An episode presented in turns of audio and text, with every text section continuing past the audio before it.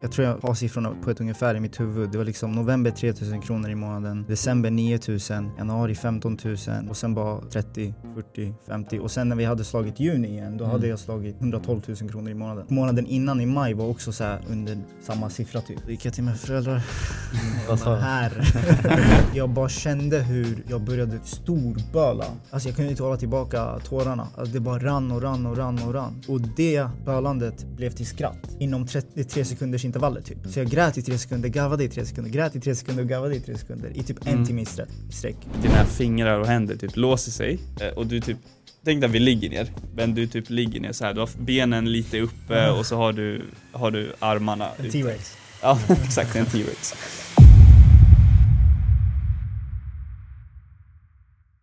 Men varmt välkommen Erik. Idag sitter vi här med Erik Elaya som är eh, som jobbar med oss nu i våra team. Eh, och han kommer även vara ny medlem till Al- Alkemisterna, både i podcasten eh, men också Youtube där vi kommer göra juicy content alla vi tre tillsammans. Men eh, berätta lite då varför, varför är du här, varför jobbar vi tillsammans? Eh, jag vet inte, hur börjar allting för dig? Mm. Det ska bli jävligt kul och eh, anledningen till att jag är här är väl för att vi var i Bali samtidigt och eh, såg att vi, vi ja, hittade synergi tillsammans när det gäller att jobba tillsammans. Så Mm. vi valde att köra vidare därifrån. Och det har känts, vi har varit igång nu en och en halv månad. Det har känts jävligt bra att vara en del av coaching IO-teamet. Och när det kommer till mig själv så har jag drivit bolag online i snart, ja, men säg, sen, säg tre år, tre och ett halvt år, sedan januari 2020. Så precis innan corona slog igång så drog jag igång med, lite innan corona, så drog jag igång med min grej. Ehm, om jag ska ta det från starten, från början så började jag tjäna min första slant online 2019 när jag pluggade på högskolan i Gävle. Då pluggade jag ett vanligt ekonomiprogram men började sälja kostscheman online via min Instagram och det var där egentligen hela den här resan började. Alltså du började med kostschema? Ja. Inte jag. Ja, jag höll på mycket med fitness förut. Jag hade gått igenom en jobbig period själv.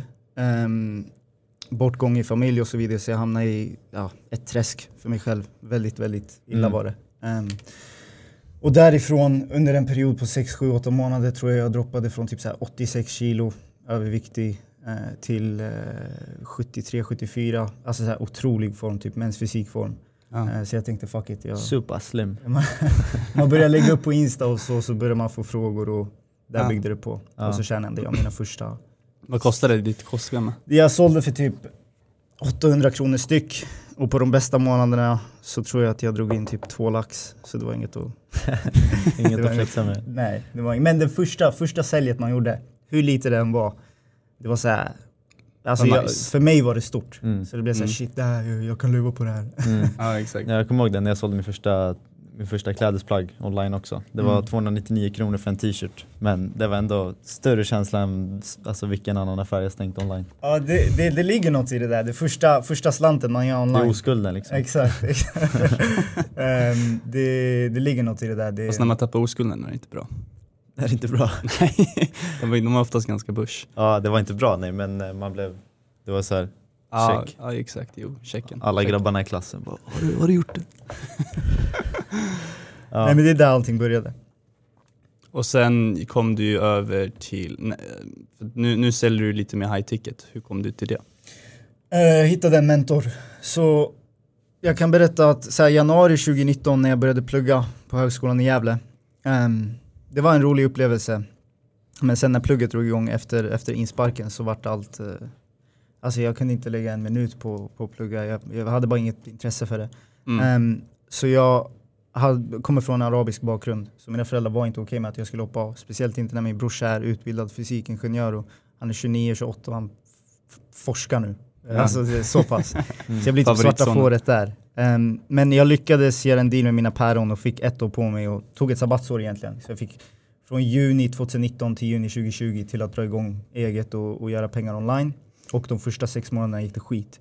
Jag minns att jag, ja, jag gjorde inte mer än 1-2 tusen i- månaden och jag spenderade typ så här tre månader på att bygga en hemsida. Mm. Två ytterligare månader på att skriva en e-bok som ingen fucking köpte. Får jag svära? Mm. Får jag svära? Nej.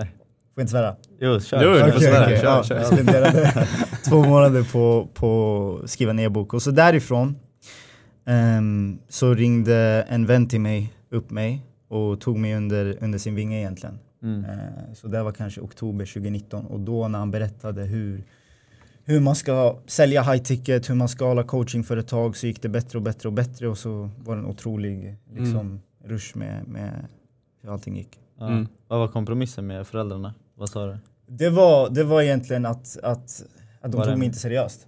Alltså, det var anledningen till att jag inte fick dra igång Mm. med, med mitt egna företag online. Eh, Men Alltså kom- dina föräldrar tog det inte seriöst? Ja, alltså det var så här, Ja. jag minns att jag åkte hem från Gävle till uh, Väsby, där jag kommer ifrån. Mm. Ehm, och jag kom hem och var så otroligt arg, sur, ledsen, besviken. För att jag vet att de bara kommer piffa till mig och skicka tillbaka mig till Gävle. Och det Ja. var så kanske sju, åtta gånger under en sex månaders period. Och jag låter väldigt uh, bortskämd. Så här, jag har möjlighet till att plugga. Ja, jag har alla mina basala needs som behövs här. Mm. Men det tog på mig extremt hårt. Ehm, och så, det här kanske låter lite flummigt.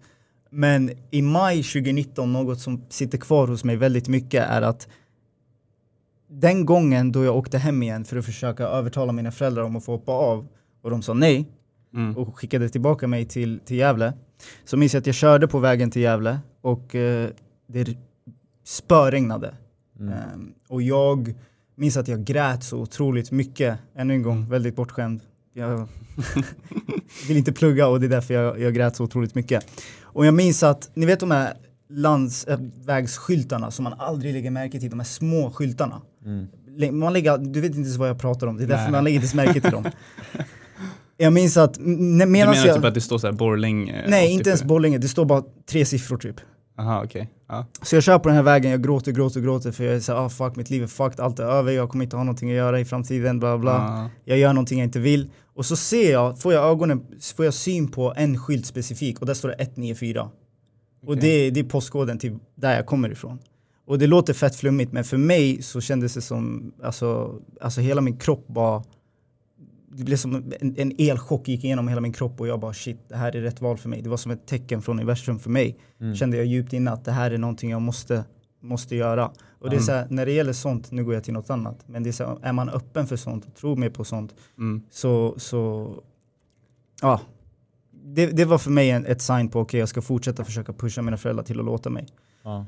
När jag väl kom hem då i juni så kom de överens eh, om en deal. De bara okej du får 12 månader på dig. Om du inte har något vettigt att visa som du kan livnära dig på och leva på så går du tillbaka till skolan. Mm. Och det var egentligen dealen. Jag bara okej, fuck it, 12 månader, jag ska göra det bästa av situationen och se hur det går. Var det då du jobbade på Donken? Nej, det var 2017. Det var under gymnasieperioden så att jag kunde Ah, betala okej. för mina tatueringar. Nice. Men det var en jävligt bra experience. Ja. Det måste varit väldigt stressigt alltså. Donken, ja. Ja. Det var Hur länge stressigt. jobbade du där? Jag tror jag jobbade där under fyra, fem månaders period. Fick du drömmar om det här pipet? Alltså sen när du gick och la dig? Nej, nej, inte? nej men det var Det man, känns som att man skulle få det. man blev inte behandlad bra. Alltså, Ja. jag minns att jag, jag har en, ett minne i huvudet av en kille som kommer in, en äldre man till och med, alltså, typ en farsa. Ehm, kommer in och bara kastar en alltså, 20 kronors sedel på, på, på kassan och bara en, en super cheese. Mm. Och du vet, jag är bakom kassan. Det- är så här saker man inte vill uppleva igen. För jag kan inte göra någonting. Om jag, om jag säger ifrån eller gör någonting sånt, då får jag i mig och förlorar jobbet basically. så ehm, det var, men det var väldigt bra, det härdade. Det härdade den otroligt mycket. Mm. Militärkamp. Ja, Nej. inte riktigt. Jobbmässigt. Ja, Men- jobbmässigt kanske. Men sen, okej, så du, eh, ehm, du hoppade av skolan, eller nej? Du, jag gjorde, först hoppade du av, sen fick du jobba 12 månader. Mm, Eller så här, jobba på ditt företag 12 månader. exakt. Eller var det att du skulle först bevisa dig medan du pluggade? Nej, det var att jag fick 12 månader på mig ehm, och ta, hoppade av. Tog ett sabbatsår egentligen. Okej. Och så fick jag 12 månader på att försöka få det att fungera. Mm. Så första sex månaderna gick åt helvete. Vad hände de resterande sex på året?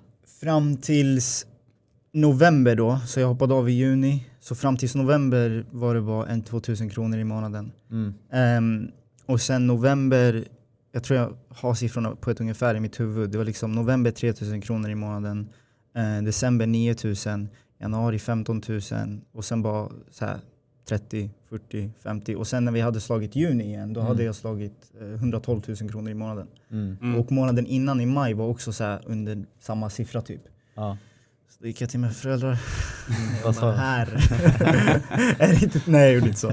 Utan jag, jag, jag pratade med dem och sa att ah, men nej, det funkar, det går bra. Och då, då sa de okej, fortsätt, fortsätt Mm. köra. Men, men det är mentaliteten man kommer ifrån. Liksom än Mm. idag, även om det, det rullar på och jag kan leva på det och det går bra för mig, så min mamma var liksom från ingenstans. Kan bara, När ska du plugga? Nej, glöm inte att plugga.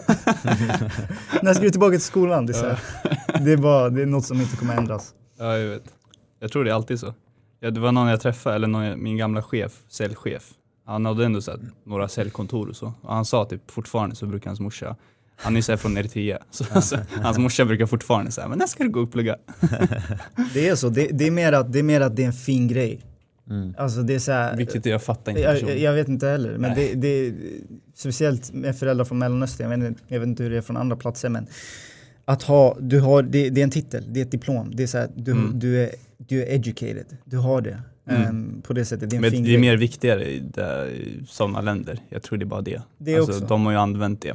Typ så här, min farsa och morsa har ju behövt utbildning.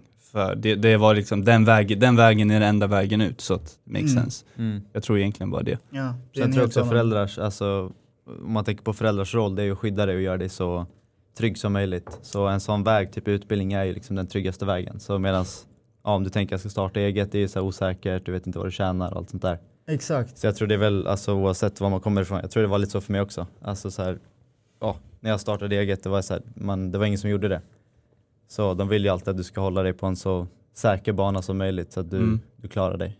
Ja exakt, exakt. Inte bara det utan det är under deras, folk startade ju eget under deras generation också men det var inte Mm. lika enkelt som nu. Eller enkelt Nej. kanske inte det men simpelt och, simpelt och straightforward. Mm. Idag är det, alltså om man inte, nu vill jag inte säga något galet men jag tycker om man inte tjänar pengar online så är man fucking lat.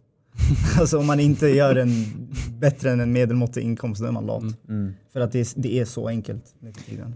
Du vet, vet du vem Naval Ah, Rad- Radikante? ah. Ja, Han uttalas efternamnet sådär, känns som jag säger fel. radikant. Ravikant va? Rad- Radikant.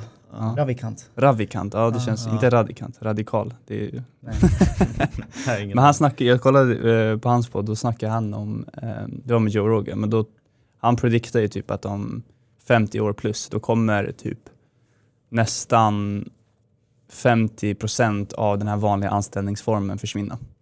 Alltså folk kommer vara antingen frilansare eller typ så här egenföretagare. För att det, det, det, för typ AI och sånt kommer ta över Mm. alla de här basic-jobben i princip. Mm. Så att det, det kommer ju typ bli så framöver.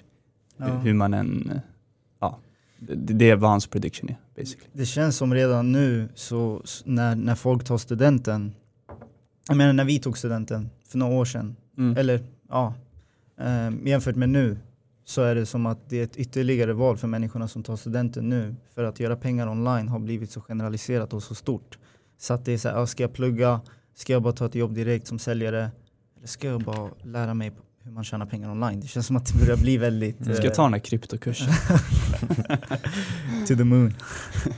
Men till alla som typ så också säljer kosttillskott nu, så vad, vad var skiftet? För jag antar att du började inte göra pengar på kosttillskotten. Mm, kostscheman. Ja, kostscheman, just det, så var det. Nej, det, den stora skiften var ehm, vem jag säljer till, eh, vad jag säljer och hur, hur jag positionerar mig på marknaden.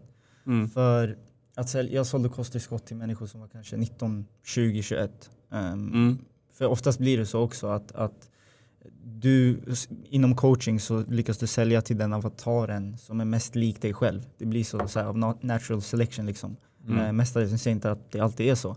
Ehm, men jag, Det är en bekvämlighet. Typ. Ja. Ja. ja, men, men, men mentorn jag hade rekommenderade att jag skulle sikta mig in på egenföretagare.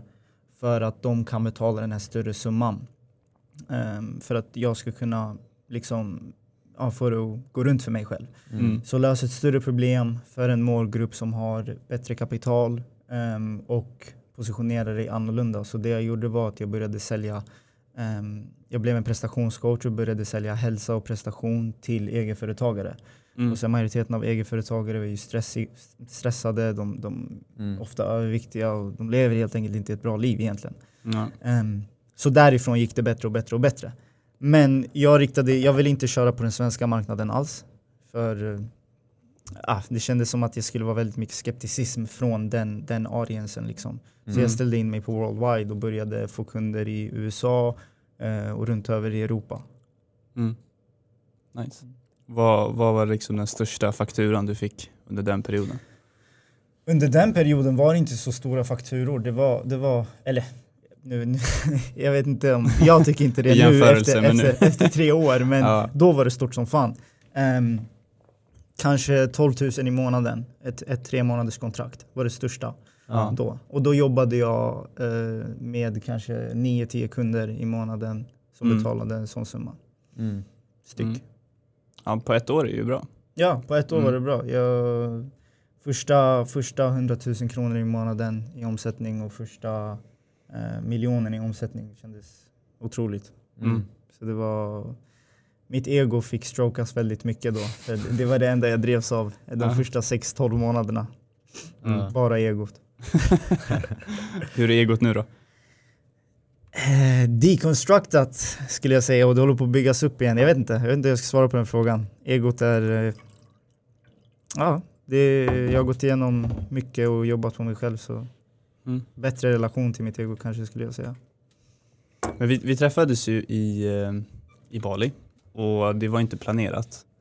Ehm, vi kände ju varandra sen, in, eller kände och kände. Du kom förbi det där kontoret någon gång, men det var så här bara ja, in och ut Mm. var det. Men annars, vi har ju bara vetat vem du är genom eh, ett annat community, vilket var så här mentorskapscommunity. Eh, Och sen har vi bara följt varandra. Ja. Och sen plötsligt när jag var i Bali så var du där från ingenstans. Mm. Vad var planen eh, i Bali? Så här, varför åkte du dit? Vi kan, vi kan prata om svampen sen, men bara om Bali.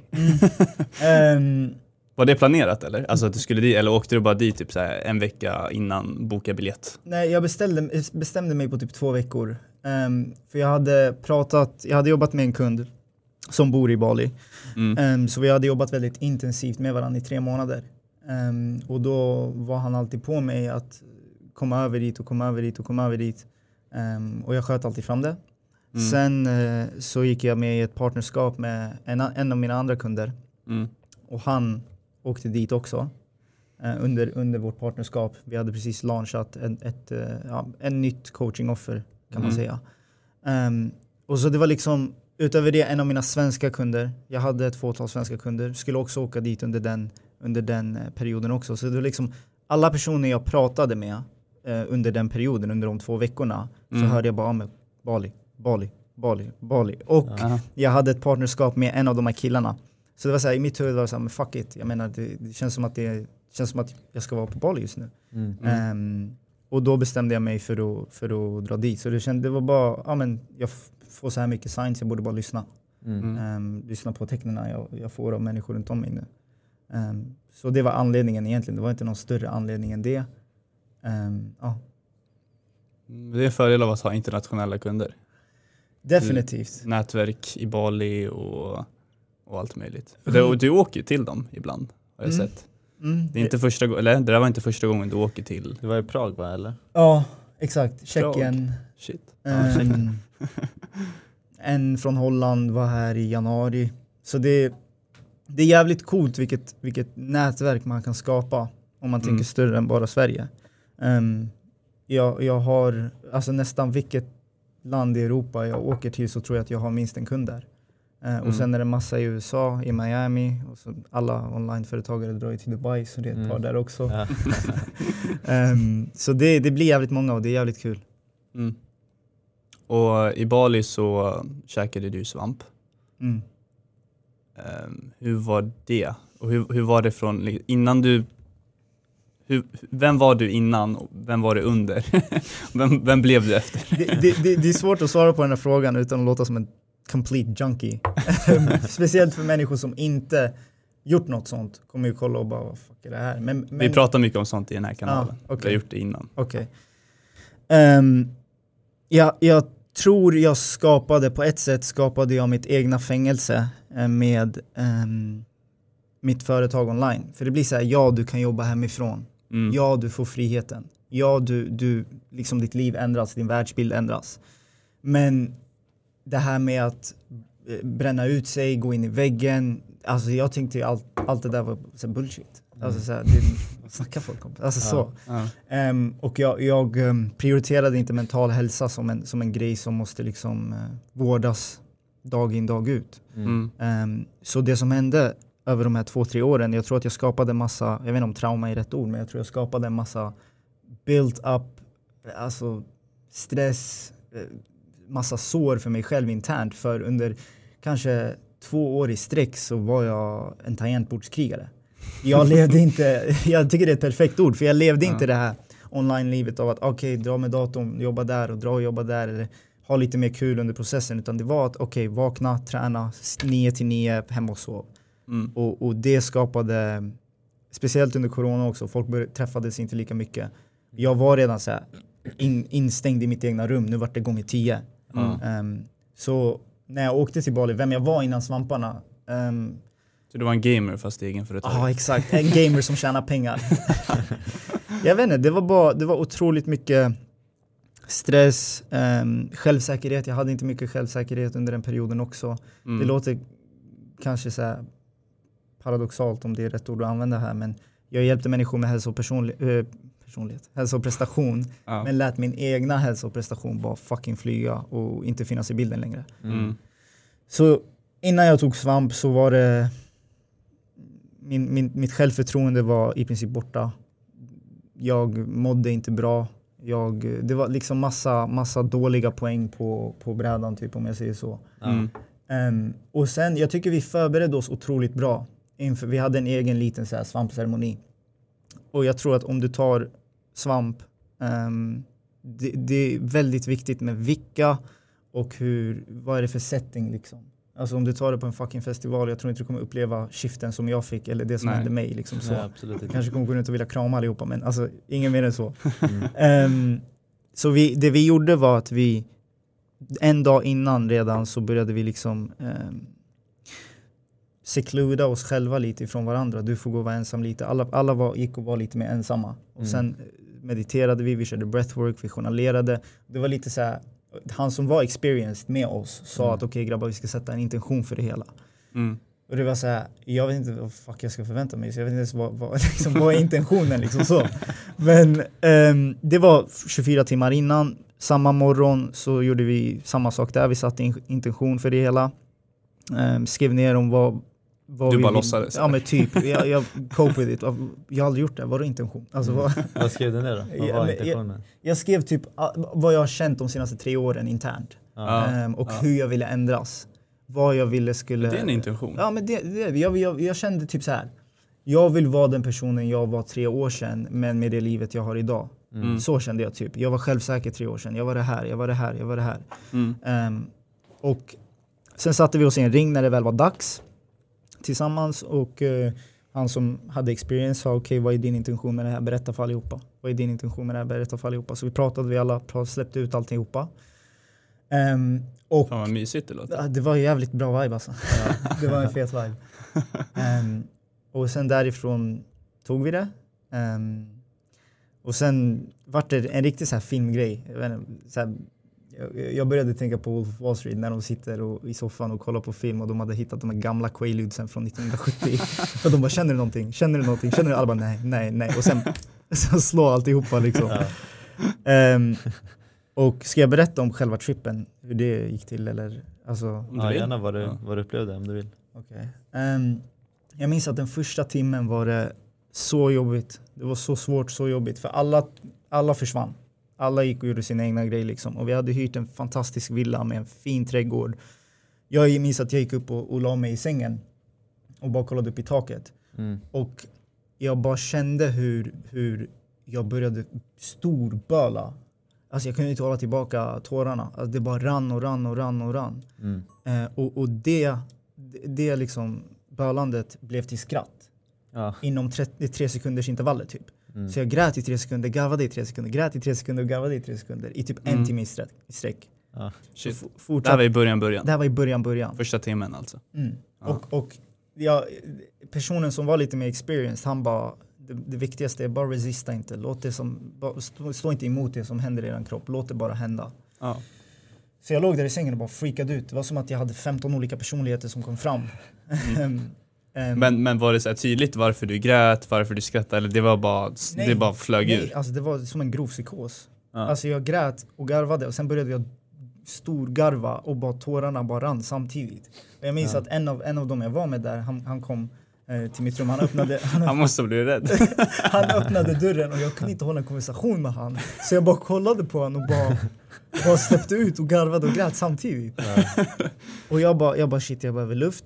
Jag gick ner, jag gick ut och satte mig på trädgården. Satte mig på, med benen i kors på, på gräsmattan. Och bara andades och bara sa till mig själv, okej jag ska bara acceptera det som händer. Jag ska bara acceptera det som händer med min kropp. Mm. Sen efter typ 10, 10 minuter något sånt så kollar jag upp och bara, jag har ett lugn som jag aldrig haft i mitt liv. Mm. Och det var som att de kommande fem timmarna där ehm, så kunde jag inte, alltså mitt smile, alltså Mm. mitt leende kunde inte gå ner. Det var, jag, jag, jag, jag fick ont i käken av, av hur mycket jag smilade. Och det var som att, det låter extremt junkigt nu men det var som att alla dina senses förstärktes. Så den här Mm. trädgården med blommorna, med växterna, allting var gånger tio. Hörseln, allt gånger tio. Men det som verkligen fick mig att bli så här: wow, det var att det kändes som att jag kunde nästan röra på det här sjätte sinnet. Eller nästa nivån av sinnet som vi inte kan nå när vi är ehm, jag vet inte. Vardagliga livet. Ja exakt, så Ja. man, inte, bara, man, man, lägger inte, man kan inte nå det liksom. Mm. Och det var verkligen att man var väldigt, jag har pratat om energier och frequencies och vibration och man ser människor snacka om sånt här skit hela tiden. Ja. Men det är så här, nu när jag upplevt det jag upplevde där under den här trippen så är det så här, nu förstår jag verkligen Mm. den, hela, den, hela den, det planet på en annan nivå. Ja. Jag kunde kolla på en av vännerna där och se liksom om det var mörker eller om det var mer glatt och ljust. Och ju Mm. närmare jag kom kunde jag verkligen ta del av personens känslor. Det var Mm. verkligen, man var så sensitiv till känslor. Alltså, personerna behövde inte prata runt omkring mig. Gick jag närmare dem så tog jag del av deras, deras energi så otroligt mycket. Som att de hade en eh, så aurafält. Exakt. Typ. Exakt. Ju närmare du kom ju, ju mer tog du del av deras, du tog dig typ till deras frekvens som de var på. Mm. Ehm, så det var ärligt talat, det var den bästa dagen i mitt liv. För ehm, jag insåg att allting som jag kände att jag ville lösa sen innan var, hade jag bara skapat för mig själv. Alltså det, Mm. var inte, det var inte där, det var ingenting. Det var inte ah, jag måste bli den här personen, jag måste bli det där. Det var bara så här, som att de 23 åren på jorden, bara, man trycker på reset-knappen, börja om. Mm. Allt kladd som funnits på det här A4-pappret från mina 23 år bara försvann. Mm. Och det var ett helt nytt papper. Så, så det, det är den bästa känslan, som, eller bästa sättet jag kan för, förklara det på. Ehm, så ja, jag vet inte om det förklarar liksom hela, hela ruschen. Men fick du, fick du, hade du starka visuella grejer också? Alltså hur menar du att jag såg? eh, Ja, men någon drake eller något, jag har ingen aning. Någon schimpans som flyger. Nej, men, det var, vad hette det?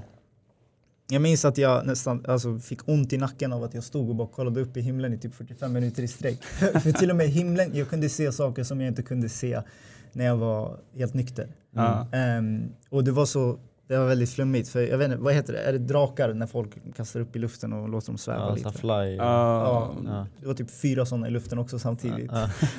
Så jag bara stod och kollade Nice. på det. Men, ja, men det var allt. Det var, jag tror en, en sjuk grej också var att det fick mig ifrågasätta mitt, mitt religiösa, ehm, mig på en religiös nivå. Mm. För jag är född i en kristen familj.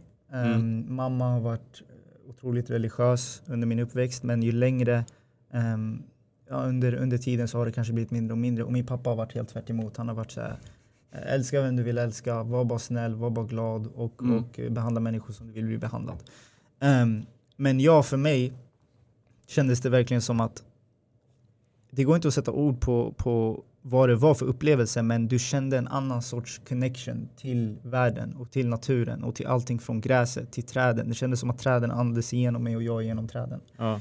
Så det fick mig att ifrågasätta om, det, om, om, om folk kanske ser på det som ah, men det, är bara, det är bara en kick, det är bara en drog, det är det det är.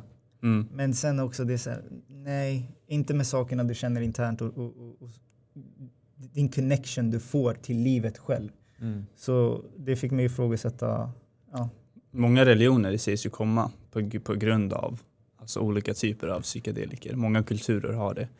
i något form av sätt. Vissa kulturer har svampar, vissa kulturer har ju typ en kaktus, peyote, som är alltså, Ayahuasca eller?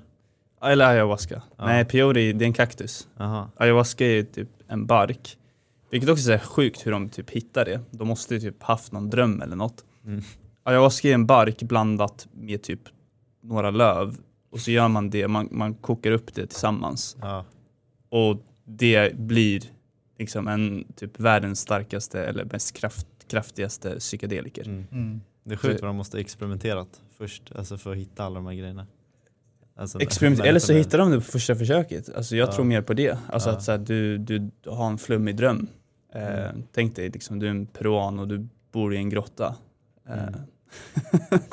liksom, och bara sover där och sen bara får du någon vision om att ja, blanda det här lövet med den här barken. För alltså, hur annars ska man kunna hitta, alltså Mm. det är Amazona, det, det Ja. finns ju miljontals andra typer av arter av både liksom, naturen i sig, eh, djur och allting. Det är så här gånger om ens tio Ja, än det vi Mm. har i svenska skogar.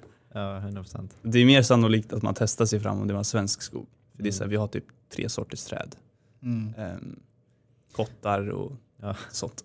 Pratade inte Joe Rogan om, eh, jag tror han pratade om en svampteori om hur, eh, jag vet inte om det var så stenåldern eller tidigare, men att eh, de här svamparna har ju funnits här genom århundraden och back in the day så kom människorna across svamparna Mm. och åt dem. Och det var så de kunde typ bygga pilbågar och svärd och liksom tänka kanske steget längre på hur man ska, Mm. alltså en sån teori om att evolutionen kom från det. mm. Ehm, det är intressant. Ja, det är sto- Stoned Ape Theory. Ja, exakt. Att människan utvecklades av det också. Mm. Mm. Ja, det makes sense. Vi, vi äter ju allting. Mm. Eller så det gjorde vi då. Vi testade ju massa. Ja. Men på något sätt så tror jag att vi hade också något sinne då till vad är det, för vi kunde inte bara äta varenda växt. Vissa, vissa saker dödade oss. ja, exakt. Så vi måste ju haft någon sorts sinne till att antingen sinne eller så kanske det finns ett sätt att göra det på som inte jag har någon aning. Om man går typ så här, ja, survive the Amazon kush. Man kan ju göra sånt. Ja. Du får ju lära dig så här, ja, hur, hur man överlever Ja. Amazonaskogen typ. Um, så galna människor som gör sånt. Men, men att de hade någon sorts sinne till att veta att okej, men den här ska inte du äta, den här kommer få dig att dö i princip. Mm. Ehm, för det finns ju giftiga svampar också. Mm. Men, eller så bara testar de allting. Men det är det, vissa måste ju dött och alltså Ja, det- ja, eller så brydde de så. sig inte, de bara åt. damma sönder. bara käkade en massa trippiga svampar. Ja. All right. men, men efteråt då? Alltså hur har du liksom integrerat i, i det vardagliga livet? För att det är ju lätt att vara på de här höga frekvenserna när du väl tar svamp kanske eller veckan efter. Mm. Hur har det sett ut? Så här, um, ja, den upplevelsen, hur du har integrerat den i, i ditt liv skulle du säga? Ehm, jag kom hem ja, mot slutet av april, inte så länge sedan.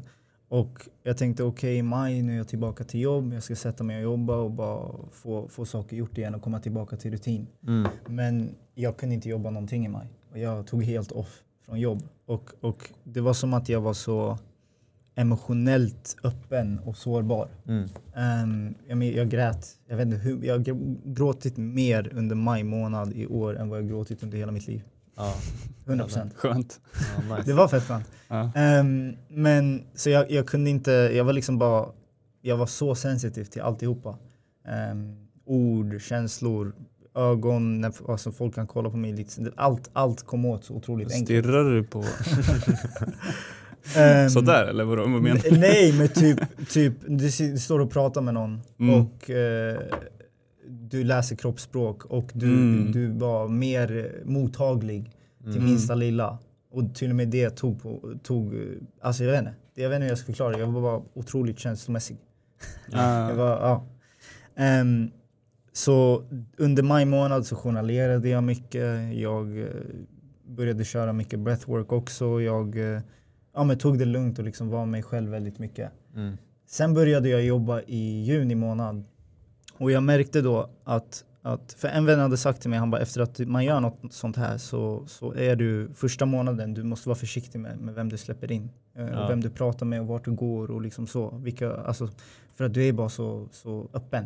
Du slutar ju lyssna på rapmusik. Ja, det var, det var en stor, stor ändring ehm, för mig. För jag lyssnade på rapmusik sen, jag var det vet att inte hur de sa de det eller det var någonting som bara hände? Nej, det, naturligt? var, det var att jag, jag lyssnade på rapmusik och bara vad fuck håller jag på med? Mm. och bara, alltså, vad är det han säger? Alltså, alla de här, jag radade upp alla de här grejerna han sa i sista meningen Ja. av låten jag lyssnade på. Jag minns inte vilken det var. Men jag minns att jag radade upp dem för mig själv och bara, vad, vad, gör jag ens? Varför lyssnar jag på det här? Mm. Mm. Eh, hur, hjäl- hur, hur gör det mig bättre? Hur, Ja. hur, hur mår jag av det just nu? Mm. Ehm, så det var en stor ändring. Men sen när jag började jobba i juni så märkte jag att jag gick från det helt öppet emotionellt till väldigt instängt, så kontrollerande och dominant igen när det gäller att få mina saker gjort och liksom med mig själv. Mm.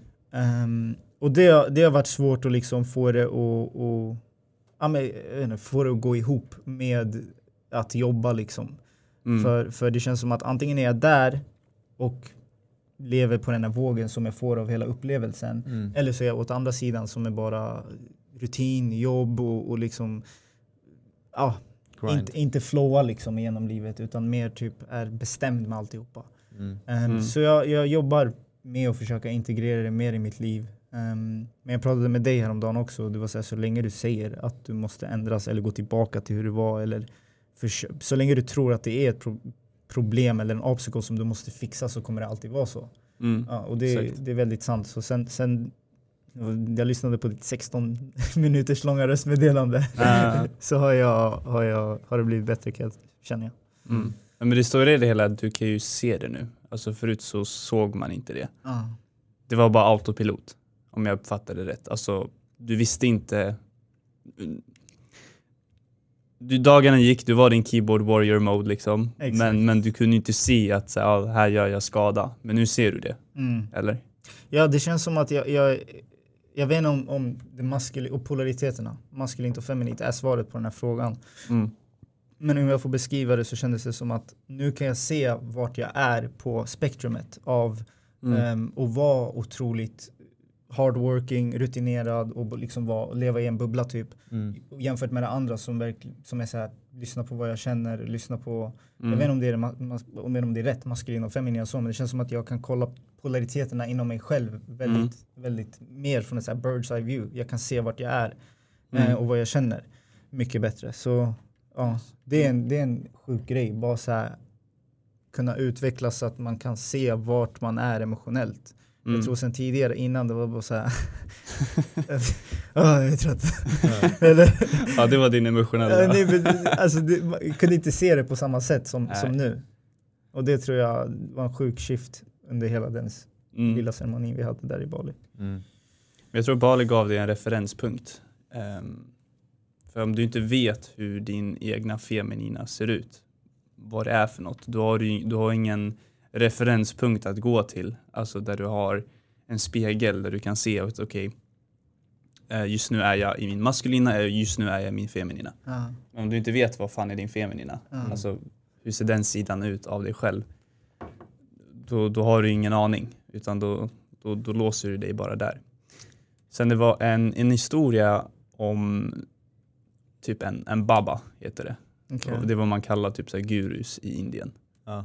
Eh, som, han var, du, vet, du vet vem Ramdas är eller? Ja. Ja, så han var, Ramdas hade med sig typ så LSD. Och det här, är, det här är en guru som mediterar i grottor och liksom kan göra det i åtta timmar i Mhm. princip varje dag. Det, det är en sån typ av kille. Och han var så här, men kan du inte ge mig the- give me the yogi medicine, typ kallade han det. Mhm. Så han fattade inte först vad jag menade. Eh, och Ramdas eller? Ja exakt, han var vad, va? vad menar du med det? Och sen så kom han fram till att det var okej, det är LSD. Så han gav honom, så han, han tog ut sin ficka, Mm. eh, ur sin ficka, massa lappar och då, och då tog Baban, han tog liksom typ nästan allting. Och det var det är ganska mycket LSD. Alltså du, du kommer trippa rejält. Ja. Han käkar allting direkt liksom. Alltså som att så här, det är godis. och det här är ändå så här, det, det är någon som inte riktigt har testat det här Mm. förut. Han har bara mediterat i grottor och sånt, vilket är ändå ganska intensivt. Mm. Alltså du kan få en psykedelisk upplevelse om du är i en grotta utan ljus ganska länge. Eh, det triggar igång DMT Mm. hjärnan exempelvis. Men han, han käkar upp allting som att det inte var någonting. Eh, och han börjar göra typ så här konstiga ljud och typ så här hostar och typ gör sådana grejer och sen eh, Ramdas blir lite orolig. Han är såhär, fan jag har ju typ dödat honom. det var liksom i början av allting. Och sen så bara typ var, var det ingenting mer egentligen. Det var som att ehm, han fick ingen större effekt. Alltså han, han var, han, antagligen så kunde han vara i den världen rejält. För du fick ju lite hallucinationer, men tänk det gånger Mm. alltså tio i princip. Där du är liksom i sagoland, Mm. bokstavligen. Men ändå vara väldigt grounded och prata med, med Ramdas. Och sen så när allting var klart, för Ra- Ramdas han är en person som han mediterar och som han experimenterar väldigt mycket med LSD och svamp och så. Så att han frågade ju honom, okej, här- borde jag fortfarande ta det här? Typ. Alltså är det här en rätt väg att gå? Ehm, och då svarade den här baban då att ja, det, det är nice att besöka det, det det här gör det är att du besöker Kristus i princip. Liksom. Mm. Buddha-land. Mm. Alltså det här landet, det här tillståndet som vi inte ser i vanliga fall. Det här nya sinnet. Mm. Vi besöker det, men sen, det är mycket bättre att bli Kristus istället. Mm. Så han menar då att så här, när, du, när du tar de här substanserna, det är bara ett besök. Ja. Sen när, du kommer, när det är klart, då är det så att du är tillbaka. Ja. du måste fortfarande, så han sa det till honom att så här, den långa vägen är alltid den bästa och den rätta vägen. Mm. Eh, Alltså att man gör det dagligen, man mediterar dagligen, man kör breathwork dagligen. Mm. Isbad är också ett sätt exempelvis. Jag minns att de första typ två, tre dagarna efter hela grejen så frågade jag allt och alla. Hur, hur når jag det där nyktert? Hur når jag det där utan? hur, hur, når jag det? Hur, hur kan jag leva sådär? Hur kan jag leva sådär? Och det var alla, alla jag frågade, allting siktade mot samma sak och det var majoriteten var så breathwork som kom upp. Alltså Mm. djupa nivåer av breathwork och verkligen bli otroligt familiar med att göra det så otroligt mycket och på väldigt så här, djupa olika sätt Mm. att göra det på. Mm. Ehm, så det, är- ja, det är något jag utforskar. Ja men breathwork är, jag hade ju en DMT-upplevelse. Helt oväntat Ja. egentligen. Jag tror inte jag, jag har inte berättat om det. Berätta lite om den. Ja, nej så att jag var ju i Thailand, eh, norra Thailand, bodde på en bondgård. Planen var bara att typ chilla, jobba i princip. Men jag kunde inte jobba så mycket för internet eller Hongkong. Jag kunde inte connecta med, med TikTok. Ehm, nej men så jag var där och det var en uh, isbadsevent. Jag hittade så en poster på gymmet så stod det så här Ice Bath Breathwork. Eh, Så jag trodde att det, alltså när jag kommer dit att det kommer vara breathwork som är i förberedelse för isbad. Alltså att vi kör breathwork 10 minuter så att vi kan vara i isbadet länge. Det var det jag trodde. För breathwork är väldigt bra för isbad. Så Wim Hof, Mm. den delen. Så jag, jag åker dit och eh, när, jag, när jag väl är där så eh, förklarar den här killen då typ så ah, yeah we're gonna do this for two hours. Alltså breathwork. Så jävlar. och sen är det isbad igen i typ så en timme tillsammans med honom så han kommer guida oss genom det. Så det var så här tre timmar av, eh, men det här var så här en hippiestad, man gör Ja. ingenting. Ja. Folk har inte jobb eller så. Ja. Så de har tid, det här var så här, han gör det här varje dag också. Han har så här en grupp och gör det här varje dag. För att inte han pallar. Ja. Alltså hålla sådana... Kör han själv också när han väl eh, kör andningsövningen? Nej han kör inte själv, han, han han guidar guidar, bara. Ja. Ja. Men det är ändå så här, det är ändå länge och han, här, det kostar typ så här 500 spänn. Mm. In- Ändå inte så mycket. Nej. Men eh, han eh, går igenom teknikerna och så. Det var ju många, han frågade också, också så här, okej men hur, vad är er erfarenhet om breathwork? Har ni testat det eller så? Mm. Ehm, alla var typ nya, förutom jag i princip. Och eh, i och med det så tror jag att han eh, varnade oss om en grej. Alltså det var ingen riktig varning. Det var bara att han sa att när vi väl hyperventilerar på den här uh, breathworken så pass länge att vi kommer se en tunnel. Han förklarade att vi kommer aktivera våra liksom, pineal gland, vårt tredje öga och eh, mycket DMT kommer släppas. Eh, och det här är liksom DMT som finns i oss naturligt som annars brukar släppas när vi dör. Mm. Alltså om vi pratar naturligt utan att du tar DMT, man kan också ta det. Mm. Eh, som, som en substans. Men, men annars genom breathwork så går det också i princip. Jag vet inte om det är för att man håller på att dö när man kör breathwork, jag har ingen aning. Att det är så kontrollerat, så här, ta dig till den nivån. Ja. men, eh, men det var inte så det kändes i alla fall. Men han, han sa att så här, vi kommer se en tunnel, eh, DMT-tunneln. Mm. Och han bara, ah, gå inte in i tunneln när du väl ser den. Och så ta det lugnt, andas lite långsammare än vad kanske alla andra i gruppen gör.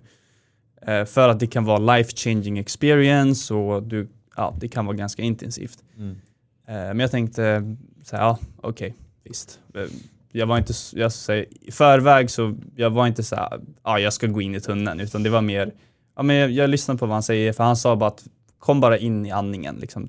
Ta det här som att du ska träna på att andas så länge, för det var ändå två timmar. Det har jag Mm. aldrig gjort. Visst, jag har kanske käkat svamp och LSD och, och jag kör breathwork varje dag. Men när det väl började så, så märkte jag, nu har vi börjat så vi alla ligger ner och eh, andas och då var det ändå så, han visade ganska många olika tekniker. Mm. Eh, så vi gjorde inte, Wim Hof är ju den här. Eh, det är hans, han, han använder mer så här shamanisk slash DMT breathwork som jag sett förut. Och då är det mer så det är ganska fort eh, jämförelse. Och sen så tar man två andningar in och sen ut och så var det lite andra tekniker också. Eh, men vi kör liksom första ronden och jag börjar se, för det är ändå ganska länge, så man, man andas ju så ganska länge. Sen så håller man andan. Och då börjar jag ändå se lite grann att så, här, ja, men det är typ så här, jag börjar se en så här vit prick, Mm. vitt ljus eh, i princip.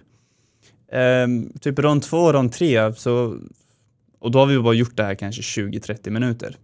Så ser jag den här tunneln ganska starkt och då var jag så okej, men jag tar det lite lugnt. Så jag tog det lite lugnare än alla andra. Eh, men ändå så här rond 4-5, den här tunneln blev bara starkare och starkare. Mm. Du bara fuck it.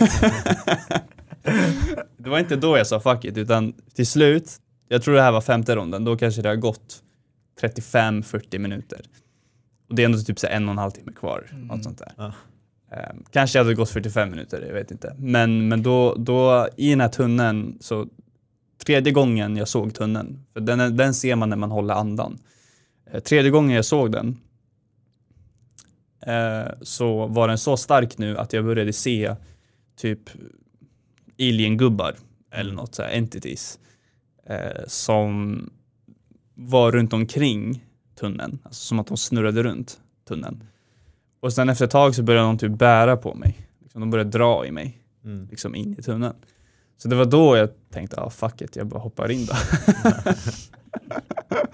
För då var det så, jag har inget val, vadå, de drar ju mig här i tunneln. Ska jag säga nej eller? Mm. Hur, hur reagerade din kropp? Reagerade, fick du en, eh, när du satt där? Ja. Allt det här hände ju inombords, men hur, hur externt liksom reagerade du? Ja, det är också intressant. Det, det kommer lite senare hur min kropp reagerar. Ehm, men just nu var det bara visuellt och min kropp var rätt så avslappnad.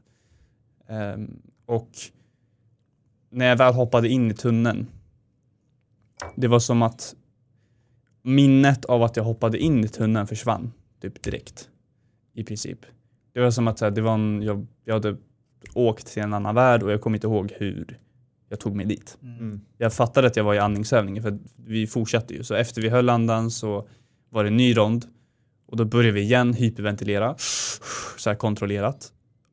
Och varje gång vi gjorde det så var jag, även fast jag hyperventil, alltså andades och inte höll andan så var jag fortfarande i tunneln. Nu, för nu, nu, var det, nu var jag i tunneln. Det spelar ingen roll om jag håller andan eller om jag andas. nu har jag aktiverat liksom, DMT i mitt huvud. Mm. Så nu var jag i tunneln. Eh, och då blev det mer och mer intensivt, speciellt när vi började hålla andan igen, alltså när nästa rond kommer. Och när en ny rond efter det började, där vi började hålla andan, när jag redan var i tunneln hela, hela tiden, det var som att då var det på riktigt att jag gick ur min kropp, alltså helt och hållet. Mm. Och då började min kropp göra konstiga saker. Mm. Eh, för då hade inte jag kontroll över min kropp överhuvudtaget. Så Krabbhänder eller? Ja, exakt. Så han berättade också att vi, vi, man kommer få krabbhänder om du liksom gör en ganska intensiv breathwork. Eh, och det är att typ dina fingrar och händer typ låser sig Mm. eh, och du typ tänk dig att vi ligger ner, men du typ ligger ner så här. du har benen lite uppe och så har du, har du armarna En. T-Rex. Ja, exakt en T-Rex. Så du ser ut som så här, typ en hund som ligger på ryggen, man kan inte ta sig upp liksom. Eh, så det, började, ja, det hände ju mig, fast jag visste inte det. Jag märkte inte av det förrän uh, instruktören, han kom fram och för då hade jag bara krabbhänderna, jag hade inte mina ben uppe, jag hade bara liksom, T-Rex-armarna. Eh, och så han kommer fram och typ bara tar i min arm, han lägger det på min, mitt bröst och säger liksom you are safe here. Typ, så här, bara för att lugna ner mig. Mm. Eh, min, i, I min upplevelse alltså i den här portalen, det var inte läskigt eller alltså att jag freakade ur eller det, det kändes väldigt så här, harmoniskt och väldigt hemma ändå. Men, men eh, eh, min kropp så här, bara låser sig för Mm. att så här, det, den är inte van med så där mycket syre. Men när han, väl, när han väl tog min arm och flyttade på den så kände, det var då jag kände verkligen att okej, jag är verkligen ur min kropp. För att jag kände att han rörde min arm, men jag kände att jag var så mycket mer än bara den här armen jag upplever. Så mina senses, mina sinnen var hela rummet i princip. Jag, jag var typ lite mer än bara kroppen. Det, det, det var verkligen som att jag typ astralprojektade helt nyktert. Mm. Utan så här, någonting, och så, här, ingen förberedelse egentligen för jag kom ju dit och trodde att jag skulle bara köra någon enkel breathwork och typ bara isbada Ja. i princip. Eh, men när han väl rörde den och så, då, det hjälpte ju mycket tror jag för att då, då la jag lite mer attention till min kropp Mm. och då försökte jag slappna av kroppen mer. Och sen var det bara att fortsätta. Eh, I princip. Och så fortsatte vi, fortsatte vi.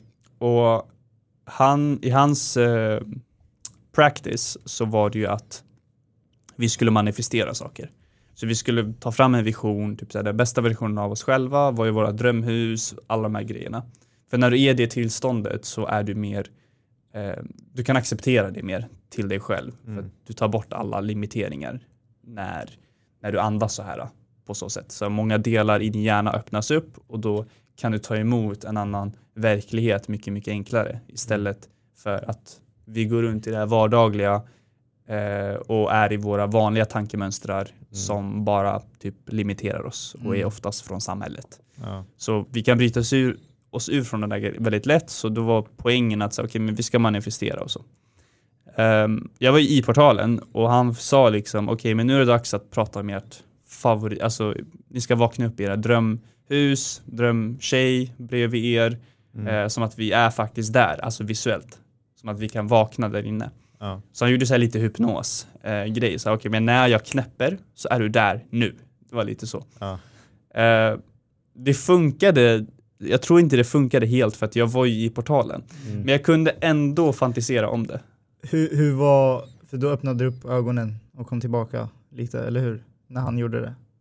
När han knäppte med fingret, var det då, alltså öppnade du upp ögonen då eller hade du fortfarande? Det var ju manifestations... Nej, nej, det var mer manifestations, så det var då han ville att vi skulle hoppa in i våra manifestation. Okej. Att, Okej, eh, att vi har vaknat i våra drömhus. Alltså som att vi faktiskt har vaknat. Mm. Hade, hade någon annan en större liksom, ändring eller ja, när, Mm. när det där hände efteråt? Pratade du med folk där som kanske Ja, kände en närmare upplevelse till det än Ja. vad kanske du fick? de fick en mycket närmare upplevelse. Hur, hur det. var det? Hur reagerade de? Hur betedde de sig?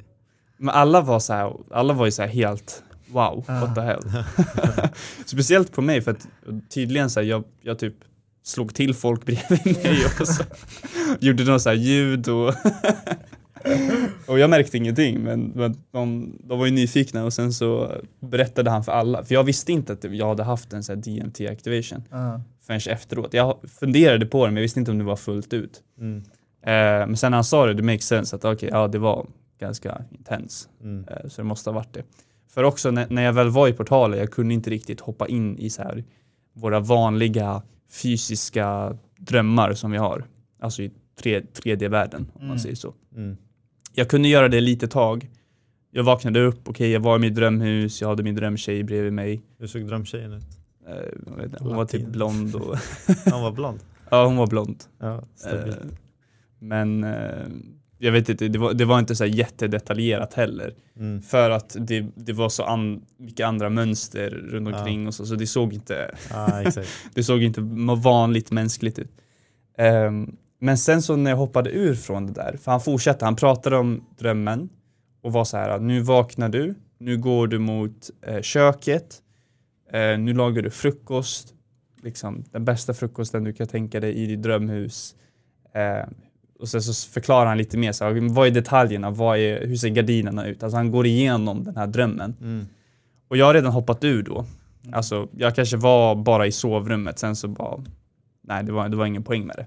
Så jag bara fortsatte andas och vara liksom i eh, astralvärlden med, med lite andar och aliens. Mm. Eh, och sen när han väl fortsatte så fick jag typ en röst till mig. Och det var som att den rösten kommunicerade till hans svar. Alltså som han eh, liksom Mm. gjorde i hela gruppen. Och det var att det var på engelska då. Ehm, och det var så här, everything is guaranteed. Allting är redan garanterat Mm. i princip.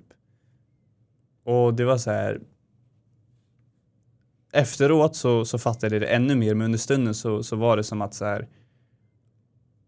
Det, var bara, det kändes bara tryggt att höra det. Det, det var inte, för efteråt var det mer, okej det det betydde var att alla dina manifestationer och allt det där, om du, beroende på vart man är såklart, beroende på hur långt man har kommit, så på något sätt så är det redan garanterat. Men också så här, allting som kommer hända, kommer hända. Mm. Så att boken är redan skriven. Så allting Mm. som kommer hända om en minut är ju garanterat att det kommer hända om en minut. Mm. Eh, Så ingenting som faktiskt inte existerar finns egentligen inte. För det finns inte någonting som inte existerar. Mm. Mm. Det är bara saker som existerar som existerar. nu, nu kanske det låter flummigt men, men basically det jag kände efteråt var så här: okej. Ehm, allting, det är lite som Interstellar, har ni, du har sett Interstellar? Ja. Ja, Jag har också sett den. du har sett den, okej. Ja men du vet slutet när han är eh, i bibliotekrummet. Ja. Eh, och då, han, då är han utanför tid och rum. Mm. Och då kan han se att så här, okay, men här var jag förut och du vet, det, det är lite av det konceptet eh, egentligen. Så att utanför, vilket jag var, jag var ju typ utanför tid och rum. Mm. Alltså i den här DMT-världen. Ja. Och där är ju allting, alltså tid är, är ju någonting du ser på utanför. Så förflutna, nu och framtid. Men allting är ju samtidigt, så det, det har ju redan hänt på Mm. ett sätt. Men våran upplevelse är mer liksom att det är tid i Mm. princip. Men, Ja. men hur som helst, i den, i den stunden när, när jag väl fick den rösten, då, då var det bara typ tryggt. Det kändes som att eh, det- det var som att allting som all oro man har eller saker om, inte bara så här, ja, businessmässigt, så här, ja, kommer jag göra en miljon, kommer det hända om ett år, eh, kommer jag, alltså sådana där basic grejer, men också bara rent så här emotionellt, eh, spirituellt eh, och att man lever sitt sanna jag, alltså alla de här grejerna. Mm. Det var som att det typ smälte in i allt det där inom mig. Så just i stunden så var det bara det var bara ecstasy att höra det Mm. i Ja. princip. Fan vad fint. Ja, verkligen. Och sen efteråt så kunde jag göra mer intellektuell begripelse över det. Mm. Eh, och då, då kom jag bara på den här med som den här interstellar-grejen. Ja. Tid och, rum, alltså tid, tid och rum är ju bara ett koncept vi upplever men allting är redan så är nästan, allting är redan skrivet Mm. egentligen. Eh, Det är väl bara hur vi reagerar just nu på det. Där vi kanske har ett val på något sätt. Mm. Just det. det är som att, som att människor till och med, jag vet inte om det har med samma sak att göra, men när något händer i livet så skapar vi betoningarna på om det är någonting bra eller om det är någonting dåligt. Mm. X händer och vi reagerar, ah fan, det, nu är det här, allt är skit liksom. Mm. Mm. Eller Y händer och vi blir glada. Mm. Men på samma sätt liksom att man vet aldrig riktigt heller hur, om något, alltså utfallet på saker och ting. Det är bara vi som sätter vikt på att ah, men det här hände idag, det är bra. Mm. Mm. Det här hände idag, det är dåligt. Så det håller väl ihop lite med det också om att vi skapar själva Mm. 100%. tid. Sen- Eller, eller bra eller dåligt på saker som händer. Mm. Sen alla dina motgångar, om du kollar tillbaks på dem så har du förmodligen allt det dåliga du upplevt har alltid ändå lett till någonting bra. Mm. Typ Ja. att någon, eh, någon går bort, du utvecklas eller att... Ja, Ja, det är ganska grovt. Jag, håller med. Jag yes, jag utvecklas. ja, men du fattar vad jag menar, det kan vara små grejer. Alltså, 100%. 100%. Jag, kan, jag kan tracka, alltså det, det är kul nu i efterhand, Man, jag är 23 år, mm, ehm, så jag har kanske 3-4 år inom det jag gör på nacken nu och det är väldigt intressant att tracka tillbaka till när det har gått bra eller sämre och, och vad som har hänt liksom tätt inpå. mm, Ehm, så det är väldigt intressant hur det där fungerar. Det finns en quote jag gillar eh, från en av mina tidigare favoritrappartister för jag slutar lyssna på rap nu.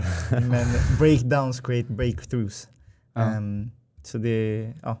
Så Men samtidigt där, breakdowns create breakthroughs. mm, exakt. Ehm, men samtidigt där, det är så här, någonting händer och vi lägger en betoning på om det är bra eller dåligt. När Mm. det egentligen är så här, det var Ja, meningen det- att det skulle hända. Det är neutralt. Ja. det bara är. Sant, Jalla. Men eh, jag tänker vi avrundar här. Det är lite övertid är vi på nu. Yes. Mm. Men All right. eh, tusen tack Erik. Tusen tack. Intressant Otroligt ämne. inspirerande. Tack själva, tack själva. Faktiskt. Förhoppningsvis Jag ska jag skriva tre snart. sidor i en bok nu. Nej jag skojar. Men eh, ja absolut, det gör vi. Ciao ciao. Hej. Stabilt, stabilt, stabilt. Får man ens snacka om svamp sådär mycket? Ja. I Sverige? Det är chill, det är chill. Kan ta mitt egna case här?